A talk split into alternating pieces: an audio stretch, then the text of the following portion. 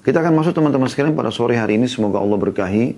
Bab selanjutnya tentang doa apabila membalikkan tubuh di malam hari. Maksudnya kalau terkaget di malam hari.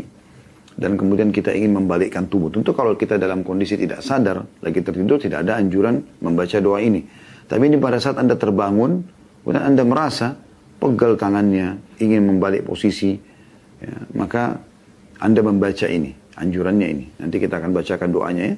Namun di sini teman-teman sekalian, ini menandakan subhanallah, kita memang harus selalu mengaitkan diri kita dengan sang pencipta Allah. Sampai kalau mau tidur berdoa kepada Allah, kaget saja tengah malam juga kembali zikir kepada Allah, bangun tidur pun zikir kepada Allah. Ya. Dianjurkan sekali kalau kita terkaget tengah malam, maka yang paling pertama zikrullah. Anjuran Nabi Shallallahu Alaihi Wasallam di dalam hadis ya, yang disebutkan oleh Al Hakim dalam kitab Mustadraknya dengan sanad sahih dan disetujui oleh Imam Az-Zahabi tentang pesahihannya di jilid 1 halaman 540 oleh Imam Az-Zahabi dan diriwayatkan juga oleh An-Nasai dalam Amal Al-Yawm wal Laila ya, serta Ibnu As-Sunni juga menyebutkan dan Syekh Albani sebutkan dalam Sahih Al-Jami' jilid 4 halaman 231 tentang doa ini. Yaitu bunyinya La ilaha illallah al-wahidul kahhar. La ilaha illallahul wahidul kahhar. Rabbus samawati wal ardi wa ma bainahumal azizul ghaffar. Jadi sebenarnya kalau di satu ditulis di satu ya, di satu lembaran itu cuma satu baris saja doa ini. La ilaha illallahul wahidul kahhar Rabbus samawati wal ardi wa ma bainahum al azizul ghaffar. Kita akan bedah satu persatu insya Allah atau perkata daripada doa ini karena dengan memahami maknanya dengan memahami terjemahannya Anda lebih mudah menghafalnya insya Allah. Tapi kita baca dulu hadisnya ada putun nomor 140 di halaman 108 bagian pegang bukunya. Nabi SAW mencontohkan membaca doa ini adalah ketika berbalik dari satu sisi ke sisi badan yang lainnya di malam hari. Kita masuk kepada makna. Potongan pertama dari doa, La ilaha illallahul wahidul kahar. Tidak ada Tuhan yang berhak disembah kecuali Allah yang Maha Esa lagi Maha mengalahkan. Ini potongan pertama terjemahan daripada doa ini. La ilaha illallah kita tahu semuanya. Maknanya luar biasa. La ma'budu bihaqqin illallah. Tidak ada Tuhan, pencipta, pemilik, penguasa, semua di langit. Ya. Di langit ataupun di bumi kecuali Allah subhanahu wa ta'ala. Jadi kita tidak perlu takut, tunduk kecuali kepada Allah. Apa yang Allah halalkan, kita nikmati. Yang diperintahkan, kita kerjakan. Apa yang Allah larang, kita tinggalkan. Walaupun seluruh muka bumi ini tidak menyetujui perbuatan kita. Karena yang paling penting bagi seorang muslim dan mukmin adalah Tuhannya Allah subhanahu wa ta'ala. Yang lain tidak penting bagi dia. Dan siapa yang patuh kepada Allah azza wa jal, Allah akan buat makhluk tak, tak tunduk dan takluk kepadanya. Sebaliknya siapa yang tunduk kepada makhluk dan meninggalkan sang pencipta Allah, maka Allah akan buat makhluk lain akan mengalahkannya. Ya. Sebagian ulama menjelaskan kenapa Umar bin Khattab radhiyallahu anhu uh, mendapatkan keutamaan hadis Nabi sallallahu alaihi wasallam demi zat yang jiwa Muhammad dalam genggamannya wahai Ibnu Khattab kalau seandainya kau lewat di sebuah lembah lalu syaitan melihatmu maka dia akan cari lembah lain. Ya. Karena takut bertemu denganmu. Bagaimana Allah Azza wa membuat syaitan takut bertemu dengan Umar walaupun Umar tidak melihatnya. Karena Umar sangat takut dengan Tuhannya Allah Subhanahu wa taala. Pada saat orang menjalin hubungan yang baik dengan Tuhannya, maka Allah sebagai pencipta akan menundukkan apa pun untuknya. Ya. Yang penting dia tunduknya kepada sang pencipta Allah Subhanahu wa taala. Makanya makna juga doa yang lain Kul inna solati wa nusuki. Sungguhnya solatku, sembelihanku, wa mahyaya, ya kehidupanku, wa mamati dan kematianku lillahi rabbil alamin. Untuk Tuhan alam semesta. Ini maknanya sangat dalam. Artinya memang seseorang betul-betul ya mengembalikan segala sesuatunya kepada Tuhannya Allah Subhanahu wa taala. Dan sudah sering kami ucapkan dan sampaikan teman-teman sekalian kalau La ilaha illallah ini akan menjawab semua pertanyaan yang muncul dari benak seseorang yang masih ragu kalau ada pencipta. Karena dia lihat ke langit, apa pun dijangkau oleh matanya, atau tidak terjangkau oleh matanya, misalnya burung berterbangan, awan, pergantian siang malam, hujan yang turun, dan yang tidak nampak dengan mata dia. Banyak sekali di langit sana yang mungkin para ilmuwan pun belum bisa melihatnya, walaupun dengan alat yang canggih karena jaraknya sangat jauh dari bumi. Dan tentu di alam kita orang beriman, ya orang-orang muslim kita tahu di sana ada malaikat yang hidup di langit sana. Semua itu, semua yang di bumi yang nampak dengan mata manusia dengan berbagai macam uh, perbedaan paras wajah, warna kulit, bentuk tubuh, postur tubuh, kemudian suku, bahasa dan segala macam makanan dan semua berhubungan dengan manusia ini. Semua berhubungan dengan, dengan makhluk yang lain seperti hewan-hewan dari semut sampai ke gajah yang besar dengan sistem pencernaan, sistem pertahanan dan segala macam hal. Semua tumbuh-tumbuhan dari rumput sampai pohon beringin yang besar. Semuanya itu. Begitu juga di dalam kedalaman lautan dengan segala macam makhluk yang ada di sana. Maka kata kuncinya, La ilaha illallah. La ma'buda bihaqin illallah. Tidak ada yang menciptakan itu. Tidak ada yang mengurus. Tidak ada yang mengawasi. Tidak ada yang menghidupkan. Tidak ada yang mematikan. Kecuali Allah. Maka seorang mukmin hidup di mana pun, mau dia di daratan, mau dia sedang di udara, kalau kita sekarang mungkin menggunakan pesawat, atau dia sedang di atas lautan, ya, di atas sebuah kapal, maka dia berada di bumi dan makhluk Allah subhanahu wa ta'ala. Itu makna la ilaha illallah. Kalau ini teman-teman cuma diucapkan dengan lisan tanpa dimahami maknanya, maka tidak akan terlihat bobotnya. Tapi kalau kita memahami makna dan bobot yang ada di dalamnya, maka itu luar biasa. Dan kalimat inilah karena kalimat la ilaha illallah inilah Allah cipt, Allah turunkan kitab-kitab dari langit. Allah juga mengutus para rasul dan nabi sampai berjumpa 120 ribu nabi dan rasul di antaranya 313 rasul, 120 ribu nabi, di antaranya 313 rasul. Dan ini wajib kita imani 25 nabi dan rasul. Dan karena kalimat inilah ada surga dan neraka. Ini asas semuanya. Kita bangun tidur, baca ini. La ilaha illallah. Diperkuat dengan lagi sifat Allah Al-Wahidu. Al-Wahidu artinya yang Maha Esa. Tidak ada Tuhan lain. Gak boleh cepat. Tidak usah repot-repot mencari Tuhan. Gak usah repot-repot bingung. Menebak ini apa, ini apa. Tidak usah. Tidak ada Tuhan lagi. Tidak ada pencipta lagi. Dan Allah menjelaskan dalam firman yang lain. A'udhu billahi minasyaitanirrajim. Laukana fihi ma'alihatun illallah. La fasadata. Kalau ada Tuhan selain Allah di langit bumi ini. Maka akan hancur semua ini. Dalam ayat lain dikatakan la dhahaba kullu la dhahaba kullu ilahin bima khalaq wa la'ala ba'dhum ala ba'd.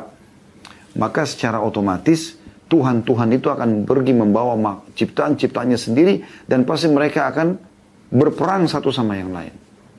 Dan memang tidak ada Tuhan kecuali Allah Subhanahu wa taala. Ini kebahagiaan bagi orang beriman karena dia cuma kembali kepada satu Tuhan saja. Satu raja saja, satu pencipta saja. Kalau dia sedang mendapatkan nikmat, maka yang ciptakan dia Allah, yang ciptakan nikmat itu Allah, yang bisa pertahankan hanya Allah. Maka hanya minta kepada Allah. Kalau dia sedang ditimpa musibah, yang ciptakan dia Allah, yang ciptakan musibah itu Allah, yang bisa memberikan dia jalan keluar hanya Allah. Ini puncak kebahagiaan seseorang pada saat mentauhidkan Allah. Sudah la ilaha illallah, manalah makna tauhid, ditambah lagi sifat esanya Allah, al-wahid. Kalau Allah itu betul-betul esa. Kemudian al-kahar, Kahar maknanya adalah yang maha mengalahkan. Atau tidak akan pernah kalah. Itu makna kahar. Maha perkasa, maha kuasa.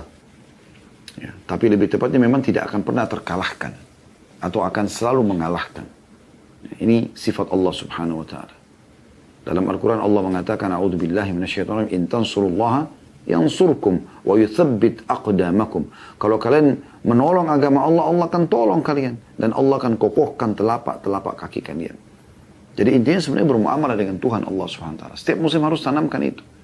Saya sebagai suami, saya tahu saya bukan bermuamalah dengan istri saya. Itu cuman ya aplikasi di lapangannya. Sebenarnya sedang bermuamalah dengan Allah Tuhan saya. Allah akan mengawasi saya sebagai suami. Kapan saya menjadi suami yang baik, Allah akan membalas saya. Muamalahnya sama Allah. Uh, istri lihat atau tidak lihat, saya akan selalu berbuat baik sama dia. Saya akan selalu jujur. Karena Allah mengawasi saya.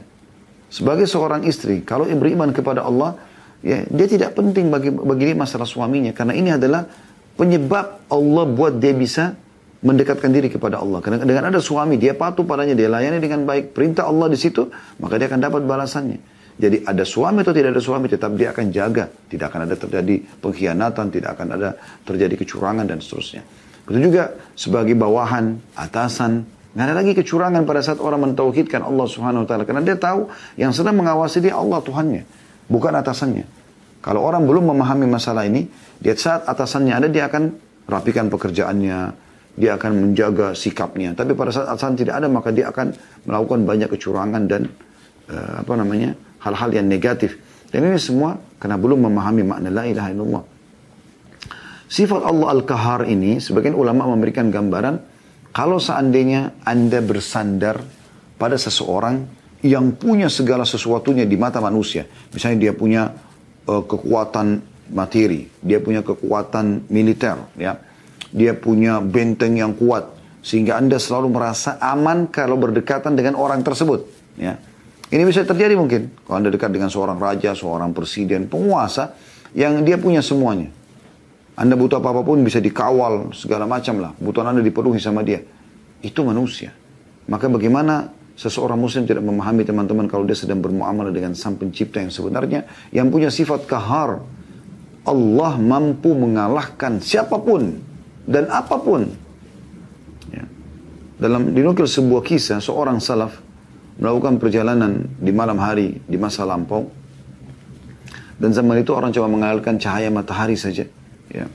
Dia pun jalan ya, pas tiba malam biasanya pada zaman itu karena belum ada penerangan seperti kita sekarang.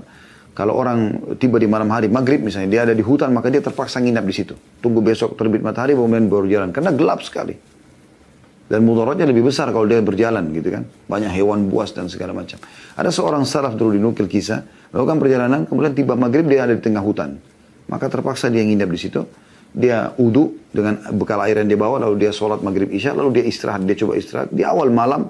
Mungkin kalau kita jam 10 jam 11 malam dia terbangun. Kemudian setelah itu ya dia sholat dua rakaat. Dia ceritakan tentang dirinya pada saat dia selesai salam di dua rakaat pertama Tiba-tiba depan mata dia, dia bilang ada seekor harimau yang meraung dengan keras. Dan kelihatannya harimau ini sedang lapar. Ya. Dia tiba-tiba berpikir, kalau seandainya saya lari, harimau ini lebih cepat. Dia lebih menguasai lokasi. Powernya lebih kuat, gitu kan. Mau ke mana? Kelihatan dari gigi taring harimau ini dia akan menerkam. Tapi tiba-tiba tauhidnya muncul. Pengesahan kepada Allah yang kahar, yang maha mengalahkan. Maka dia tiba-tiba mengatakan, Hai harimau, kalau seandainya Allah sang pencipta yang telah mengutus kau untuk memakanku, aku tidak akan melawan. Tapi kalau seandainya kau datang hanya untuk mengganggu ibadahku dengannya, dengan Allah, maka aku akan minta kepadanya untuk menghancurkanmu. Tiba-tiba mata harimau yang melotot tadi giginya, taring yang terlihat, maka menjadi redup matanya, mulutnya ditutup lalu kemudian meninggalkan orang soleh ini. Ini salah satu nukil, dinukil kisah seperti itu dan ada ribuan kisah orang-orang yang telah mentauhidkan Allah SWT di mana Allah selamatkan mereka. Yang paling nyata kisah para ambia, para nabi-nabi. Bagaimana mereka dibenci oleh kaumnya seperti Nabi Musa oleh Fir'aun, eh, Nabi Ibrahim oleh Namrud, dan kemudian kaumnya Nabi Lut, kaumnya Nabi Shu'aib, kaumnya Nabi Saleh. Yang mereka kekar-kekar, mereka punya kekuatan, mereka segala macam. Tapi Allah binasakan dan menjadi pelajaran. Ya. Dan Allah mengatakan, sudah berapa banyak kami binasakan kaum-kaum setelah Nuh. Ya. Sudah cukup banyak. Kenapa nggak ambil pelajaran? Ya.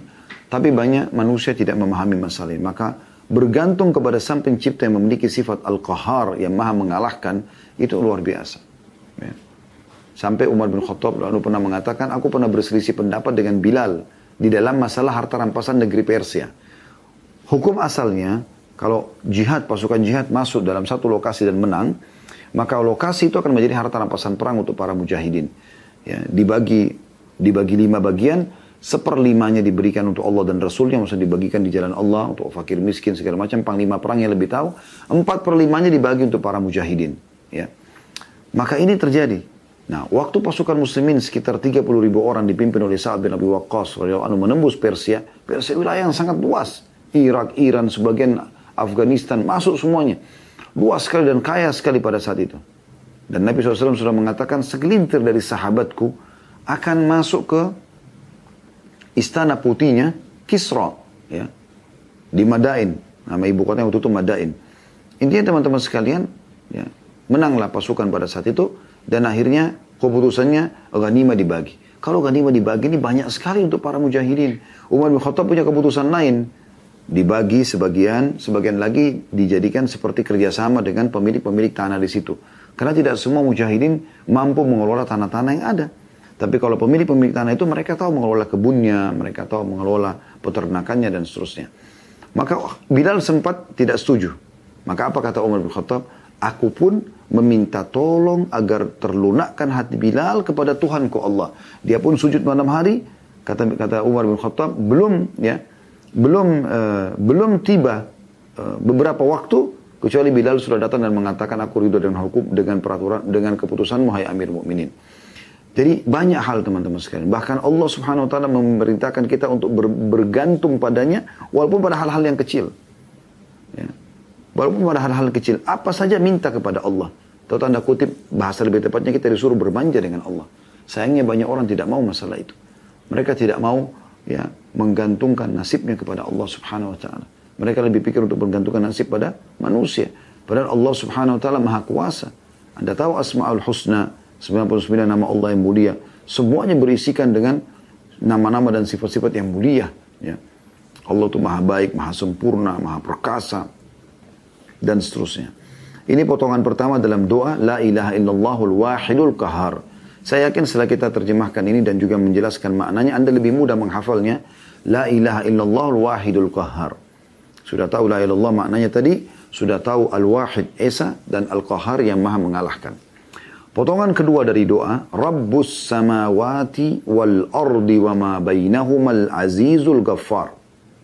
Rabb artinya pencipta. Ya. Pemilik, penguasa itu Rabb. Seperti kalau anda bilang, Rabbi gufirli wali walidayya. Ya Allah, wahai penciptaku, pemilikku, penguasaku, yang memberikan aku rezeki, yang menghidupkan aku, yang mematikan aku, ampunilah aku dan kedua orang tuaku. Itu Rabb. Ya. Kita bilang Alhamdulillahi Rabbil Alamin. Segala puji bagi Allah, Tuhan, pemilik, penguasa, ya, yang mengatur, yang menghidupkan, yang mematikan alam semesta ini. Kita bilang di sini potongan kedua, Rabbus Samawat. Tuhan dan pencipta dan pengawas, pengurus semua langit-langit ini. Wal ard dan bumi. Wama bainahuma dan apa yang ada di antara keduanya. Al-Azizul Ghaffar zat yang maha mulia atau maha perkasa ya dan maha pengampun. Rabbus samawati wal ardi wa ma bainahuma al-azizul ghaffar. Tuhan pemilik penguasa semua yang di langit semua yang di bumi semua yang di kedalaman lautan ya. Di langit dan di bumi dan apa pun yang ada di antara keduanya semuanya tidak terkecuali. Ya malam ya siang ya hujan ya hewan-hewan yang berterbangan di udara, hewan-hewan yang melata di atas bumi, yang di dalam lautan, semuanya. Allah Robnya, pemiliknya, penguasanya, yang menciptakan, yang mengurus. Dalam firman Allah SWT yang lain, A'udzubillahi minasyaitonir wa ma min dabatin illa 'ala Allah rizquha wa ya'lamu mustaqarra wa mustawda'aha kullun fi kitabim mubin. Tidak ada hewan melata di atas bumi, ya. Kecuali Allah yang sudah mengatur rezekinya dan juga tempat-tempat tinggalnya. Semua itu sudah tercatat dalam kitab yang jelas. Maksudnya adalah lauhil mahfuz. Ya. Jadi semua yang di langit, semua yang di bumi Allah pemiliknya. Dan apa punya di antara keduanya. Angin, awan, dan seterusnya. Lalu ditutup dengan dua sifat mulia. Al-Azizu Al-Ghaffar. Rabbus samawati wal ardi wa ma bainahum al-Azizul Ghaffar. Al-Aziz artinya perkasa, mulia, biasanya kalau ada orang yang punya kedudukan disilakan dengan aziz. Kalau anda lihat dalam surah Yusuf tentang wanita yang menggoda Yusuf, wamra'atul wamra'atul aziz, ya dikatakan begitu. Dan istrinya si aziz. Bukan aziz ini maksudnya adalah namanya dia aziz, tapi maksudnya tokoh masyarakat di Mesir, rajanya pada saat itu. Disilakan dengan aziz. Nah itu sifat Allah subhanahu wa ta'ala. Biasanya orang Arab juga mengatakan izzatun nafs. Kemuliaan jiwa. Ya, kemuliaan jiwa gitu ya. Baik, di sini dikatakan Allah itu aziz. Lebih tepatnya maha perkasa di sini atau maha mulia tidak ada sesuatu yang Allah butuhkan dari makhluknya. Kembali juga sifat aziz kepada akhir surah uh, Al-Ikhlas. Walam yakul lahu kufuan ahad. Dan Allah tidak pernah butuh pada siapa pun. Ya. Itu aziz, mulia. Allah SWT maha perkasa dan tidak ada yang bisa mengalahkan juga sebagaimana dijelaskan tadi di situ. E, makna sebelumnya ya. Kemudian Al-Ghaffar, maha pengampun. Ini sebenarnya dengan adanya tasjid. Kan sifat Allah itu gafur, ghaffar ya. Tapi kalau pakai tasjid ini lebih tepat maknanya ghaffar adalah yang suka sekali mengampuni dosa-dosa hambanya walaupun terulang. Itu makna ghaffar. Yang biasa kita bilang, Rabbi gafirli, ya Allah ampunilah aku. Kalau anda mau lebih tepat lagi, anda bilang, Ya ghaffar ikfirli. Wahai zat yang maha terus menerus memaafkan makhluknya walaupun dosanya banyak, gitu kan. Ampunilah aku. Itu makna ghaffar. Nah, jadi kita kembali kepada keseluruhan doa. Kalau anda terkaget mau pindah posisi badan, La ilaha illallah wahdahu la syarikalah. La, la ilaha illallah al-wahidul qahar. Maaf. La ilaha illallah al-wahidul qahar. Tidak Tuhan yang berhak disembah kecuali Allah yang Maha Esa dan Maha Perkasa. Ya, atau yang mengalahkan ya. Rabbus samawati wal ardi wa ma bainahuma al-azizul ghaffar. Tuhan pemilik penguasa langit dan bumi dan apa pun yang di antara keduanya, zat yang maha perkasa atau mulia dan maha terus menerus mengampuni dosa hamba-hambanya. Kita akan masuk langsung ke bab 30 dan bab 31 karena ini satu rangkaian. Doa apabila merasa takut dan kesepian ketika tidur. Misalnya tidak bisa tidur malam, terus tiba-tiba kayak merasa takut, merinding, ya. Atau terkaget tiba-tiba karena mimpi buruk. Nah ini juga termasuk. Anjurannya adalah membaca ini. Dan ini diriwayatkan oleh Abu Daud di jilid 4 halaman 12 dan juga disebutkan oleh Syekh Al-Albani dalam Sahih Tirmidzi jilid 3 halaman 171. Yaitu yang berbunyi bagi yang pegang buku di halaman 109 A'udzu bi kalimatillahi tammati min ghadabihi wa iqabihi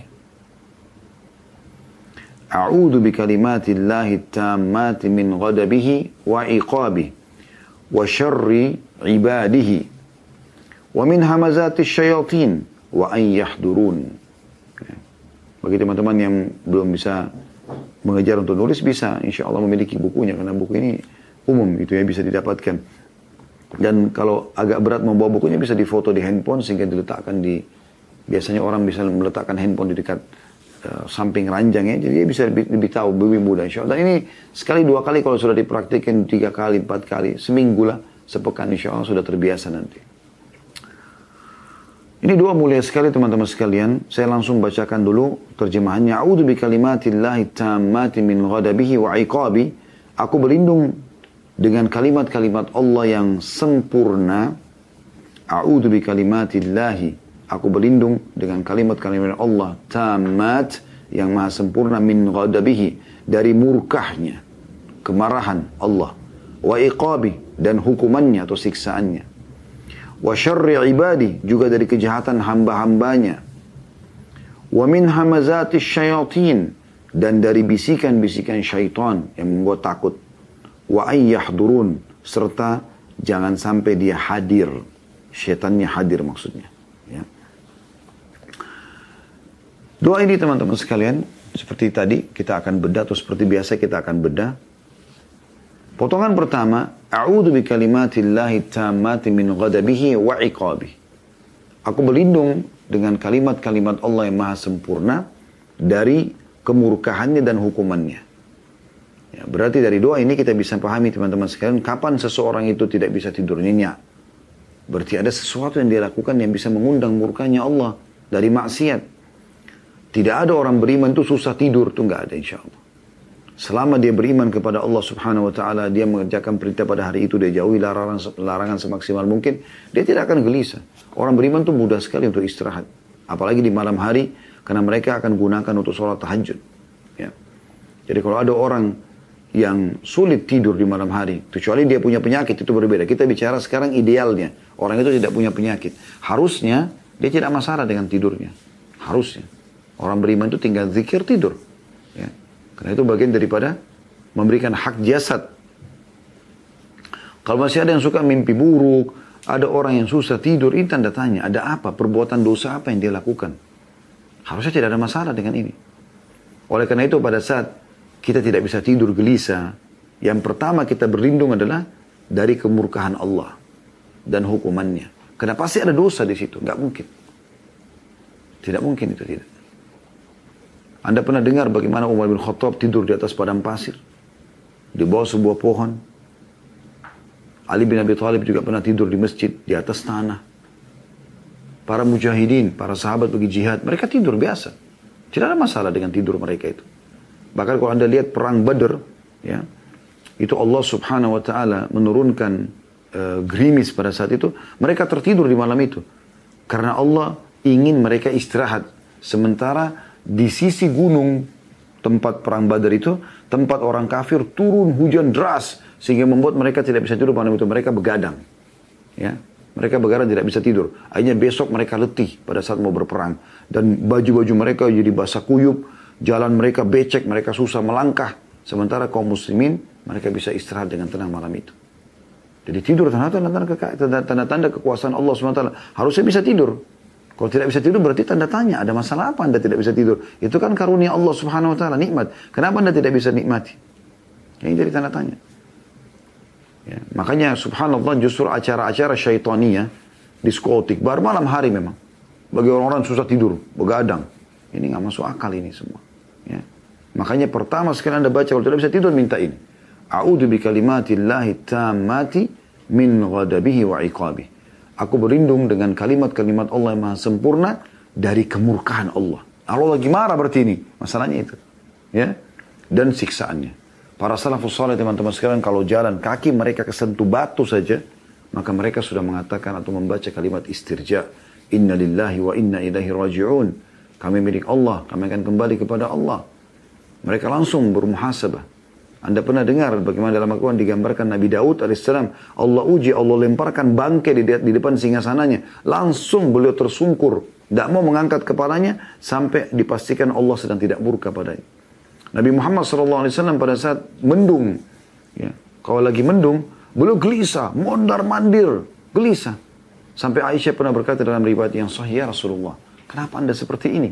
Ada masalah apa? Ini mendung, mungkin bisa hujan. Kata Nabi SAW, wahai Aisyah, apa jaminannya kalau di belakang mendung ini mungkin ada siksa? Sampai hujan jelas turun, udah jelas-jelas hujan bukan siksaan barulah. Karena banyak kaum-kaum sebelum kita, ya Allah binasakan begitu. Mendung, mereka kira itu adalah nikmat, hujan akan turun, ternyata yang turun adalah azab. Begitu orang-orang beriman, mereka gelisah jangan sampai nikmat tertahan karena ada dosa yang mereka lakukan. Dan memang itu pasti terjadi teman-teman sekalian ya. Jadi kalau ada nikmat-nikmat Allah Azza wa yang tertahan, kesehatan, keturunan, uh, apa saja harta maka pastikan langsung memohon ampun kepada Allah Subhanahu wa taala karena Allah tidak akan mengharamkan orang beriman dari nikmatnya. Allah janjikan dalam banyak ayat Al-Qur'an.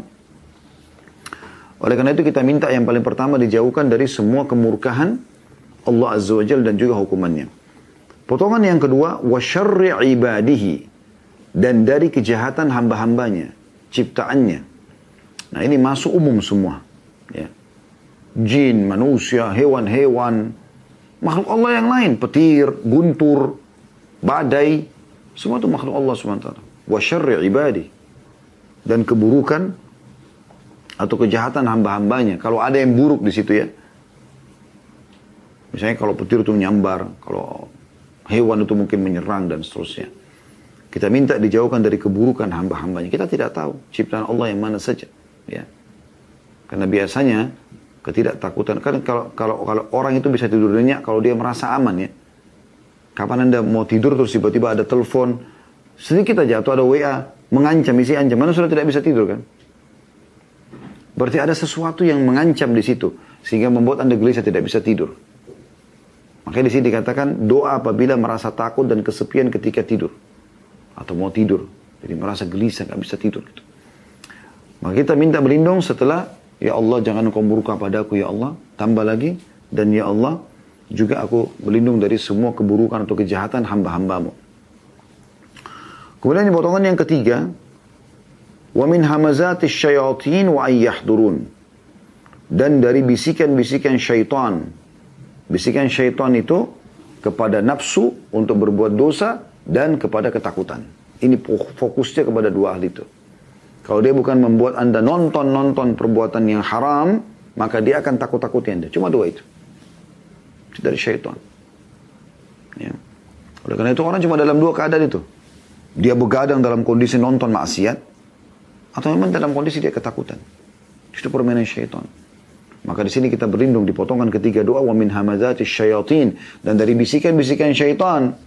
Ya, itu suara apa tuh? Ini apa nih? Itu apa nih? Dan segala macam. Orang beriman mau tinggal di hutan pun atau di rumah sama saja. Kalau kita dengar pada kisah para salafus saleh, mereka tidur di hutan sebagaimana tidur di rumahnya. Ya, bahkan dinukil dari mereka kalau mereka bangun sholat malam, maka hutan belantara itu seperti istana yang mewah rumput liar yang mungkin ada hewan-hewan di situ, serangga-serangga yang berbahaya bagi dia, itu seperti karpet yang mewah. Gelap itu seperti terang benderang bagi mereka dan mereka sholat malam tanpa terganggu sedikit pun. Kemudian juga jangan sampai syaitan-syaitan itu hadir. Ini menandakan memang syaitan juga hadir dalam kehidupan kita. Ya, tapi kita tidak bisa lihat kehadiran mereka. Tapi memang mereka hadir. Makna ayyah durun, hadar, artinya hadir, Indonesia juga mengambil itu ya, bahasa hadir. Berarti dia hadir, dia ada, nampak. Uh, bukan nampak, maksudnya hadir bersama kita, bukan nampak. Penampakan ini hanya sebagian orang yang memang sudah dikuasai jiwanya. Kalau orang yang tidak dikuasai jiwanya sama syaitan, mudah-mudahan tidak akan pernah. Kecuali syaitan itu menjelma seperti kasus yang datang pada Abu Hurairah. Tapi kalau penampakan syaitan sendiri itu tidak akan pernah. Allah sudah ya, melarang mereka untuk menampakkan diri atau tidak tidak memang diizinkan untuk menampakkan diri ya, kepada manusia gitu. Nah ini potongan doa yang kita baca pada saat kaget ya dan takut misalnya ini berisah nggak bisa tidur. Jadi kita bagi menjadi tiga bagian ya. A'udzu bi kalimatillahi tammati min ghadabihi wa iqabi. Ini yang pertama kita mohon agar jangan sampai Allah murka dan menyiksa kita. A'udzu bi kalimatillahi tammat. Aku berlindung kepada Allah dengan kalimat-kalimat yang sempurna min ghadabihi dari murkahnya Allah wa iqabi dan hukumannya. Kemudian setelah itu kita berlindung dari semua keburukan hamba-hambanya, hamba-hamba Allah. Wa syarri, wa syarri ibadih. Lalu yang ketiga terakhir kita minta berlindung dari syaitan mu'min, hamazati syayatin wa ayyahdurun. Dan dari bisikan-bisikan syaitan dan jangan sampai mereka hadir. Kemudian yang ke-31 teman-teman sekalian adalah apa yang disunnahkan diperbuat oleh orang yang bermimpi buruk atau ngigau. Ya. Di sini langsung Syekh Sa'id atau Syekh Sa'ad tepatnya, Syekh Sa'id ya, uh, menyusun beberapa poin saja langsung.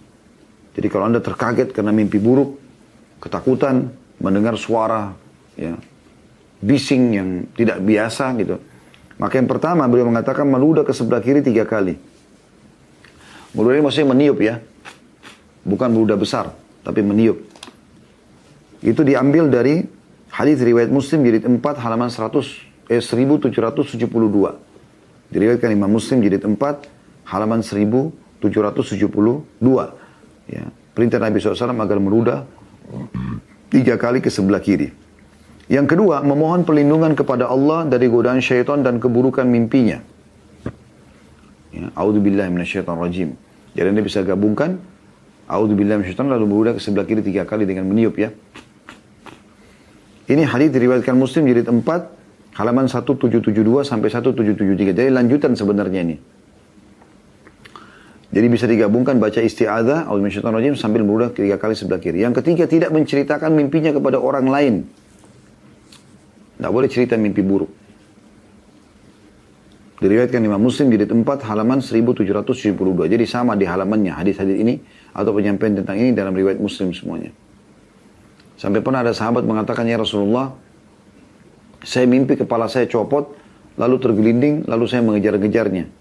Kata Nabi SAW, janganlah seseorang dari kalian menceritakan permainan syaitan terhadap diri dalam mimpinya. Kalau mimpi itu bagus, baik, menggembirakan, ceritakan, tidak masalah. Ya. Boleh menceritakan mimpi yang baik. Bahkan kata Nabi SAW, mimpi yang baik atau ru'ya sadiqah, ya, itu adalah bagian daripada 40 cabang mukjizat kenabian gitu.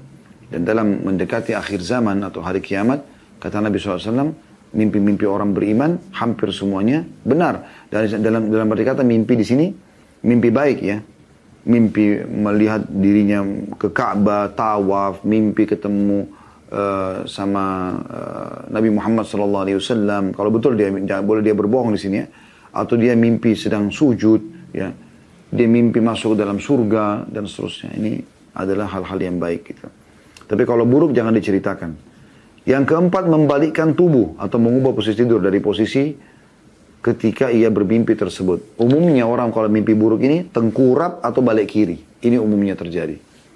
Kalau orang menjalankan sunnah Nabi SAW, tidur balik sisi kanan, insya Allah tidak akan ada masalah. Dengan izin Allah SWT tidak akan ada masalah. Tapi kebanyakan orang tidak seperti itu. Ya, mereka ya mimpi-mimpi buruk ini tengkurap karena ini cara tidurnya ahli neraka wa cara berbaringnya ahli neraka atau dia balik sebelah kiri. Dan kita dianjurkan kan balik sisi kanan dengan meletakkan telapak tangan di bawah pipi kanan. Dan tadi sudah kita ajarkan atau kita bacakan teman-teman sekalian doa kalau kita membalikkan diri ya. La ilaha illallahul wahidul kahar ya. Tadi sudah kita baca Rabbus samawati wal wa ma bainahuma al-azizul ghaffar ya. Yang terakhir yang kelima berdiri dan melaksanakan sholat bila mau. Ya. Ini semua diriwayatkan Imam Muslim di jilid yang sama jilid 4 halamannya juga 1772 sampai 1773. Ya.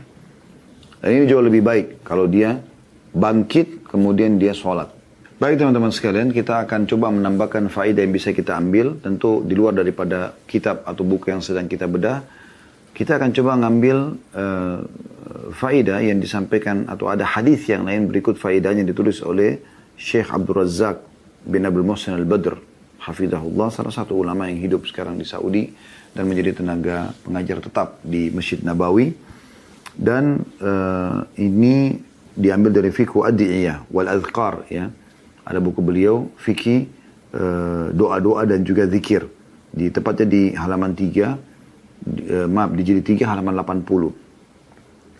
Ada sebuah hadis yang sahih yang menjelaskan barang siapa yang terkaget di malam hari, maknanya begitu ya. Kemudian dia membaca ini. La ilaha illallah wahdahu la syarikalah. Lahul mulku wa lahul hamdu wa huwa ala kulli syai'in qadir.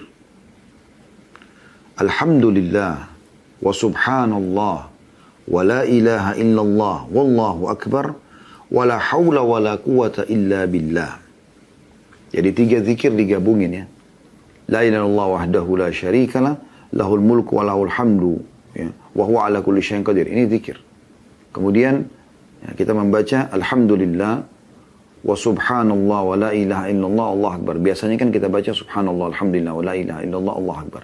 Di sini dimulai dengan Alhamdulillah wa subhanallah wa la ilaha illallah Allah Akbar. Yang ketiga, wa la hawla wa la quwata illa billah. Nah, tiga zikir ini, teman-teman sekalian, kita terjemahkan dulu. La ilallah wahdahu la syarikalah. Tidak Tuhan yang berhak disembah kecuali Allah dan tidak ada sekutu bersamanya. Lahul mulk, miliknya lah segala kerajaan. Walahul hamd dan segala puji-pujian. Wahuwa ala kulli syai'in qadir dan dia mampu mengerjakan apa yang dia inginkan. Kalau anda masih ingat kita pernah bedah ini panjang lebar di zikir habis sholat dan zikir pagi dan petang. Ya. Kemudian Alhamdulillah segala puji bagi Allah kita tahu kalimat syukur. Wa subhanallah maha suci Allah puji-pujian kepada Allah. Wa la ilaha illallah diulangi lagi.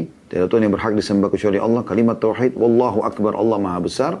Kemudian membaca la haula wa la haula wa la quwata illa billah. Tidak ada dan kekuatan kecuali dari Allah. Doa ini teman-teman sekalian, kata Nabi SAW, barang siapa yang terbangun dari tidurnya di malam lalu membaca doa ini, kemudian setelah itu dia berdoa atau memohon ampun, niscaya doanya akan diijabah oleh Allah, dan jika bangun beruduk lalu mengerjakan sholat, maka niscaya sholatnya diterima oleh Allah. Ini hadisnya luar biasa ini. Ya. Jadi kalau baca doa ini saya zikir, terkaget malam hari. Walaupun nanti tidak tahu apa, anda tidur lagi. Maka anda baca la ilallah wahdahu la syarika la lahul mulku lahul hamdu wa huwa ala kulli syai'in qadir. Subhanallah ya. Ya. Alhamdulillah wa subhanallah wa la ilaha illallah Allah akbar wa la hawla wa la quwata illa billah. Ya. Ada riwayat lain ditambah Allahumma gfirli. Ya Allah ampunilah aku. Itu kata Nabi SAW, siapa yang bangun baca ini, bangun saja, belum buat apa-apa, maka akan diampuni dosanya yang lalu. Kalau dia berdoa, akan diijabah. Kalau dia sholat, akan diterima. Jadi walaupun dia tidak sholat tidak masalah, tapi kalau dia bangun sholat dipastikan diterima dengan gara-gara doa ini. Ya. Ibnu Battal berkata rahimahullah, Seyogianya orang yang telah sampai kepadanya hadis ini mengamalkannya dan mengikhlaskan dia dalam mengamalkan. Karena dia akan mendapatkan banyak keutamaan. Bang, terkaget saja, lalu tidur lagi. Usahakan dia selipkan baca ini, diampuni dosanya. Kalau sempat berdoa, ya Allah, mudahkan urusanku. Dimudahkan oleh Allah. Dijawab doanya. Kalau dia bangun, dia sholat, diterima sholatnya. Apalagi yang kita harapkan lebih daripada ini. Ibnu Hajar rahimahullah, kata Syekh Abdul Razak ya, menukil ini, beliau mengatakan ketika Ibnu Hajar mengamalkan hadis ini atau membawakan sebuah faedah dari hadis ini, dia mengatakan dari Abdullah Al-Farabi uh, rahimahullah salah seorang yang meriwayatkan hadis dari Imam Bukhari dia mengatakan saya membaca zikir ini ketika akan terba ketika terbangun. Kemudian setelah itu aku tidur lagi dan pada saat tidur aku didatangi seseorang yang membaca ayat Allah Subhanahu wa taala ini dalam surah Al-Hajj Surah nomor 22 ayat 24. Dia baca zikirin lalu tertidur lagi. Tapi dia dengar dalam mimpinya ada orang yang bacakan dia ayat ini. Yang bunyinya dalam surah Al-Hajj ayat 22 sampai 24. A'udhu billahi minasyaitonir rajim. Maaf, surah nomor 22 ayat 24. Ya. Wahudu ila tayyibi minal qawli wahudu ila suratil hamid. Artinya, dan mereka diberi petunjuk kepada ucapan-ucapan yang baik dan ditunjuki juga ke jalan Allah yang terpuji. Ya, ini bagian daripada tambahan yang perlu kita bahas dalam doa kita. Karena ini zikir juga pada saat terkaget di malam hari ya. Jadi tidak ada dalam buku kita. Di dalam hadis ya, diriwayatkan Bukhari Muslim juga ada doa yang Nabi SAW baca Allahumma gfir li khati'ati Ya Allah maafkanlah semua kesalahanku. Tentu ini tambahannya saja ya. Kalau anda mau lebih perkuat lagi agar dosa-dosa anda dibersihkan, Allah magfir li khati'ati. Ya Allah maafkanlah semua kesalahanku. Wajahli, kebodohanku. Wa israfi, sikap berlebihanku. Ya. Fi amri, di semua urusanku. Wa ma anta a'lamu bihi minni. Dan engkau lebih tahu daripada aku. Allah magfir li ya. Jiddi wa hazli. Ya Allah, ampunilah kesalahanku dalam hal aku lagi serius, jid, melakukan kesalahan dalam betul-betul tahu.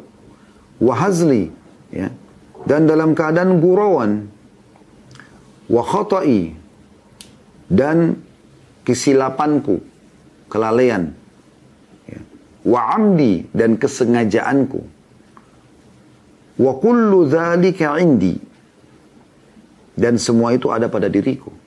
Kita akui itu kepada Allah. Allah magfirli ma qaddamtu. Ya Allah maafkan semua yang pernah aku lakukan. Wa ma akhartu. Dan apa pun yang akan aku lakukan. Wa ma asrartu. Dan apa yang aku sembunyikan. Wa ma alantu. Dan apa yang aku terang-terangkan. Wa ma anta alamu bihi minni. Dan engkau lebih tahu daripada aku ya Allah antal muqaddimu wa antal muakhiru wa anta ala kulli syai'in qadir. Engkaulah zat yang mengedepankan ya. Maksudnya mengedepankan derajat dan keistimewaan hamba dengan taufik. Dan engkaulah yang mengakhirkan derajat mereka. Dan engkau maha kuasa atas segala sesuatu. Ini riwayatkan Imam Bukhari Muslim. Doa ini dari hadits Abu Musa al-Ash'ari radhiyallahu anhu bahwa Nabi SAW berdoa dengan doa tersebut ya dan doa ini dibaca oleh Nabi SAW tentu di dalam riwayat-riwayat tidak disebutkan secara khusus apakah itu di malam hari atau di siang hari. Tapi doa ini menguatkan kalau kita mau menambah doa-doa agar dibersihkan dosa. Tapi tadi doa yang sebelumnya yang sudah kita titik beratkan zikir itu yang lebih pen, yang penting untuk kita ketahui karena tambahan dari bahasan kita. Yaitu la ilallah wahdahu la syarikalah, lahul mulku wa lahul hamdu wa huwa ala kulli syai'in qadir. Alhamdulillah uh, wa subhanallah wa la ilaha illallah Allah akbar wa la hawla wa la quwata illa billah. Ya ini sampai situ. Kalau mau ditambah dengan riwayat lain, Allahumma gfirli, ya Allah ampunilah aku.